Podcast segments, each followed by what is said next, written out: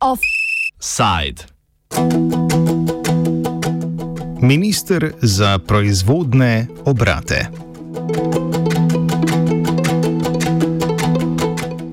Pravkar poslanci v državno-zborskem odboru za infrastrukturo, okolje in prostor razpravljajo o spremembah zakona o vodah. Predlog sprememb je v obravnavo državnemu zboru po skrajšenem postopku poslalo Ministrstvo za okolje pod vodstvom Andreja Vizjaka. Ta je že lanskega marca kot kandidat za ministra obelodanil svoj namen: poskrbeti, da varstvo okolja in gospodarski razvoj drug drugemu ne nasprotujeta.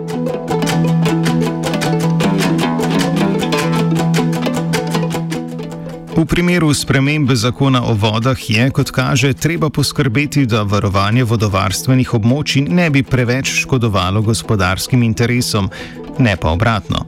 K spremembam zakona o vodah, ki jih je predlagalo ministrstvo, je poslanska skupina Slovenske demokratske stranke, iz kvote katere je tudi minister Andrej Vizjak, namreč priložila nekaj ključnih amandmajev. Prav ti amantmaji so na noge dvignili nevladne organizacije za varovanje okolja, saj naj bi nasprotovali ustavnemu varovanju naravne dediščine in ogrožali celo ustavno pravico do pitne vode. Enemu izmed amantmajev nasprotujejo tudi izvajalci javne službe za oskrbo s pitno vodo, združeni v zbornici komunalnega gospodarstva. Prav tako pa je do predlogov zadržana zakonodajno-pravna služba državnega zbora.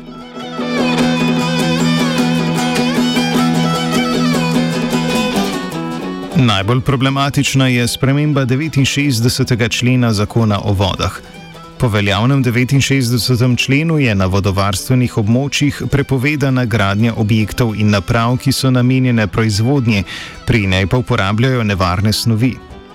Prepoved je sedaj absolutna.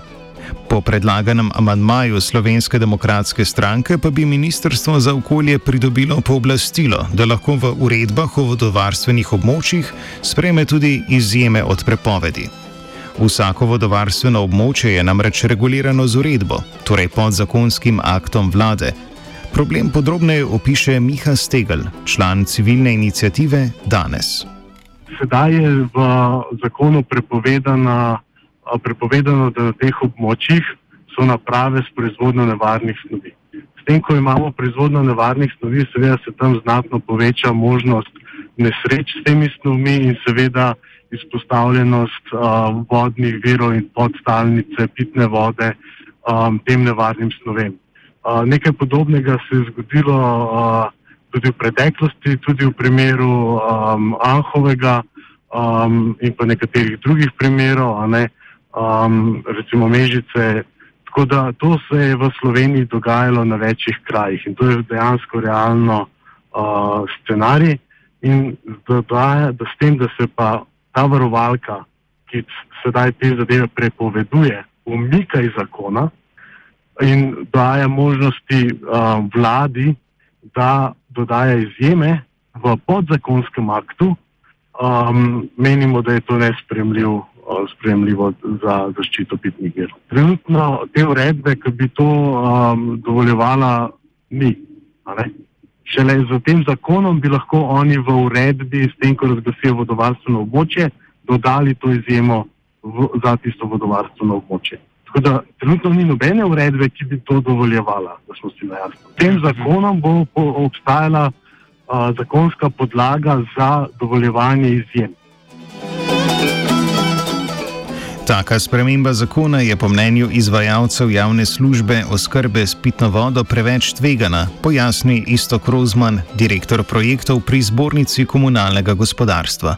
Zbornica komunalnega gospodarstva zastopa oziroma v njoj so učlanjena tudi velika večina članov, ki so izvajalci javne službe oskrbe s pitno vodo in so torej odgovorni za zdravstveno ustrezno pitno vodo na pipah eh, pač naših prebivalcev ta amandma, ki je vložen, v bistvu spreminja sedanjo ureditev glede vodovarstvenih območij na ta način, da je v sedanjem, v sedaj veljavnem zakonu o vodah pač določene zadeve, kjer se, kjer se uporabljajo nevarne snovi na vodovarstvenih območjih, so po 69. členu zakona o vodah prepovedane. Uh, amandma pa spreminja to ureditev na način, da bi lahko vlada z, v uredbah o vodovarstvenih območjih pač tudi dovolila take posege. In nam kot izvajalcem javne službe se zdi, taka ureditev preveč tvegana, ker se lahko kadarkoli pol v nadaljevanju uh, dovoli na vodovarstvenem območju tudi posege, ki bi lahko uh, škodljivo vplivali na, na vodne vire in tudi na, posredno na zdravstveno ustreznost pitne vode. Torej, mi mislimo, da bi mogli tle upoštevati previdnostno načelo in da tega sploh eh, ne bi smeli dovoliti uh, in da ne bi bilo sploh možnosti, da bi prihajali do, do tega na vodovarstvenih območjih. Kot je minister Andrej Vizjak pojasnil v odboru Državnega zbora za okolje, je spremembo, po kateri bi lahko na vodovarstvenih območjih zgradili tudi proizvodne obrate, ki operirajo z nevarnimi snovmi, predlagalo Ministrstvo za gospodarstvo. Moram pa počrtati, da je v fazi medresorskega usklajevanja prišla pobuda strani gospodarstva oziroma tudi strani eh, Ministrstva za gospodarstvo in tehnološki razvoj. Eh, ki je predlagalo še eno spremembo, ki je seveda povezana z 69. členom zakona o vodah, to pa gre za možnost gradne objektov, ki so namenjeni proizvodni in v katerih so vključene nevarne snovi, za katere je v skladu s predpisi z področja varstva okolja potrebno pridobiti okoljevarstveno soglasje ter objekte in naprave za odlaganje odpadkov da je možno tudi te naprave, namenjene proizvodni, umestiti na vodovarstvena območja pod pogojem, pod dvema pogojema. Prvi pogoj je ta, da to opredeli uredba o vodovarstvenih območjih, in drugi pogoj je, da to ne škodi zdravju ljudi. Vizjak je jasno povedal tudi, da bi zakon ponovem omogočal posege v okolje, ki jih je vlada v preteklosti lahko dovolila tako, da je zakon o vodah obšla. Tak primer je tudi lakirnica Magne Šter v Hočah. E, tudi zaradi tega zakona smo imeli nekaj zadreg v preteklosti z določenimi specialnimi zakoni, kot je Lex Magna, kjer se je šlo za veliko tujo investicijo in je bilo pravzaprav potrebno to zaobiti z specialnim zakonom v prejšnjih levih vladah. Eh, in eh, nam se je zdelo na mestu, da takšne proizvodne objekte, ki se želijo umestiti v Sloveniji na eh, teh vodovarstvenih območjih, presojamo od primera do primera, z zelo jasnimi strokovnimi argumenti za in proti, in šele pod pogojem, da so vsi ukrepi učinkoviti in da objekt ne škoduje zdravju ljudi, je tak poseg možen in ni več a priori povedan.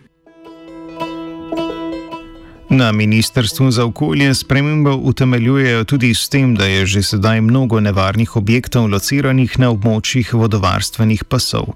Z ministrstva so nam odgovorili, da je ne na zadnje skoraj pol ljubljane na območju vodovarstvenih pasov Ljubljanskega polja in je vse odvisno od tehnologije procesov, ki jih tam upravljajo.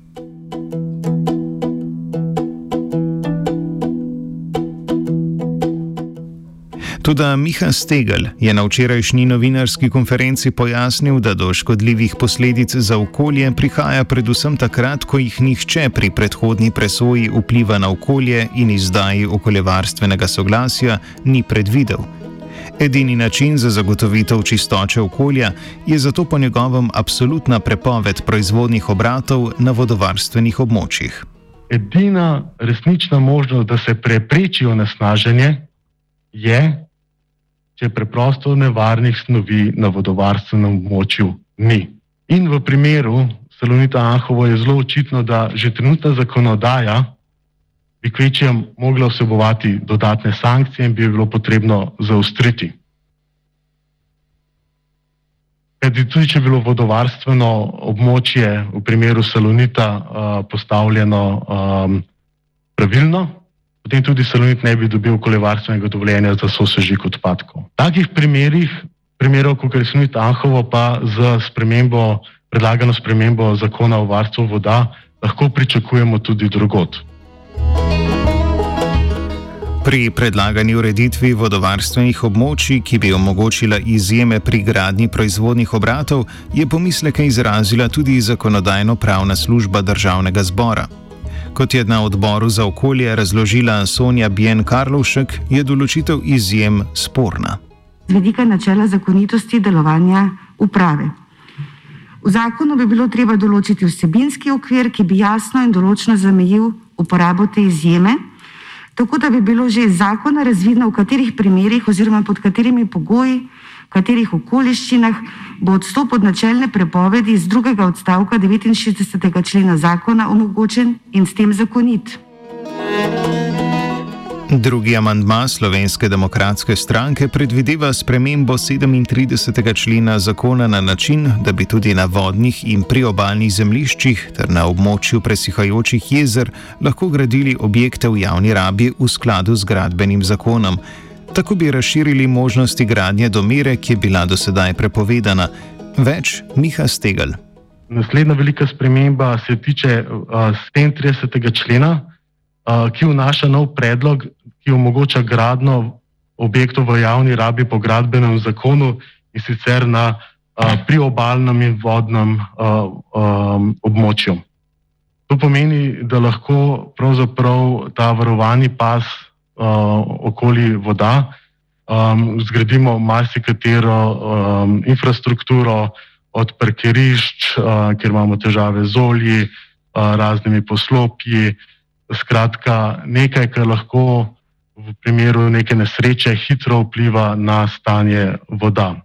Sprememba 37. člena pa je bila pravzaprav dodana po javni obravnavi, kar se nam zdi um, zelo sporno in smatramo kot kršitev um, postopka.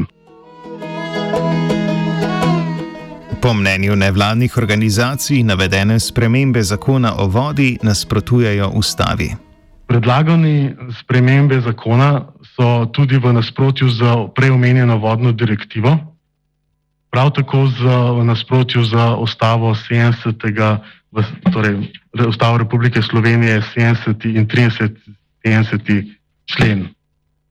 Um, zato menimo, da bi bilo potrebno te uh, spremembe završiti um, ter um, popolnoma zaščititi vodne vere. Ministru Andreju Vizjaku se sicer zdi problematično, da nevladne organizacije nasprotujejo le proizvodnim obratom, ne pa tudi naprimer storitveni dejavnosti, ki se na vodovarstvenih območjih že izvaja. Vendar gre pri varovanju okolja predvsem za presojanje tega, kako velik vpliv bi neka dejavnost lahko imela na okolje. Ko govorimo o potencijalnem vplivu, primerjava Salonita Anhovo ali Magne Štejr z gostinskim obratom pač ni tako enostavna.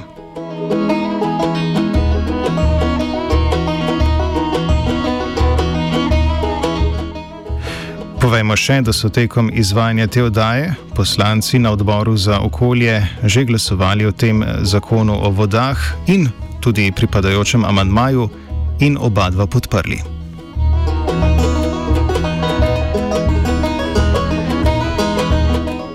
Offside je pripravil Martin.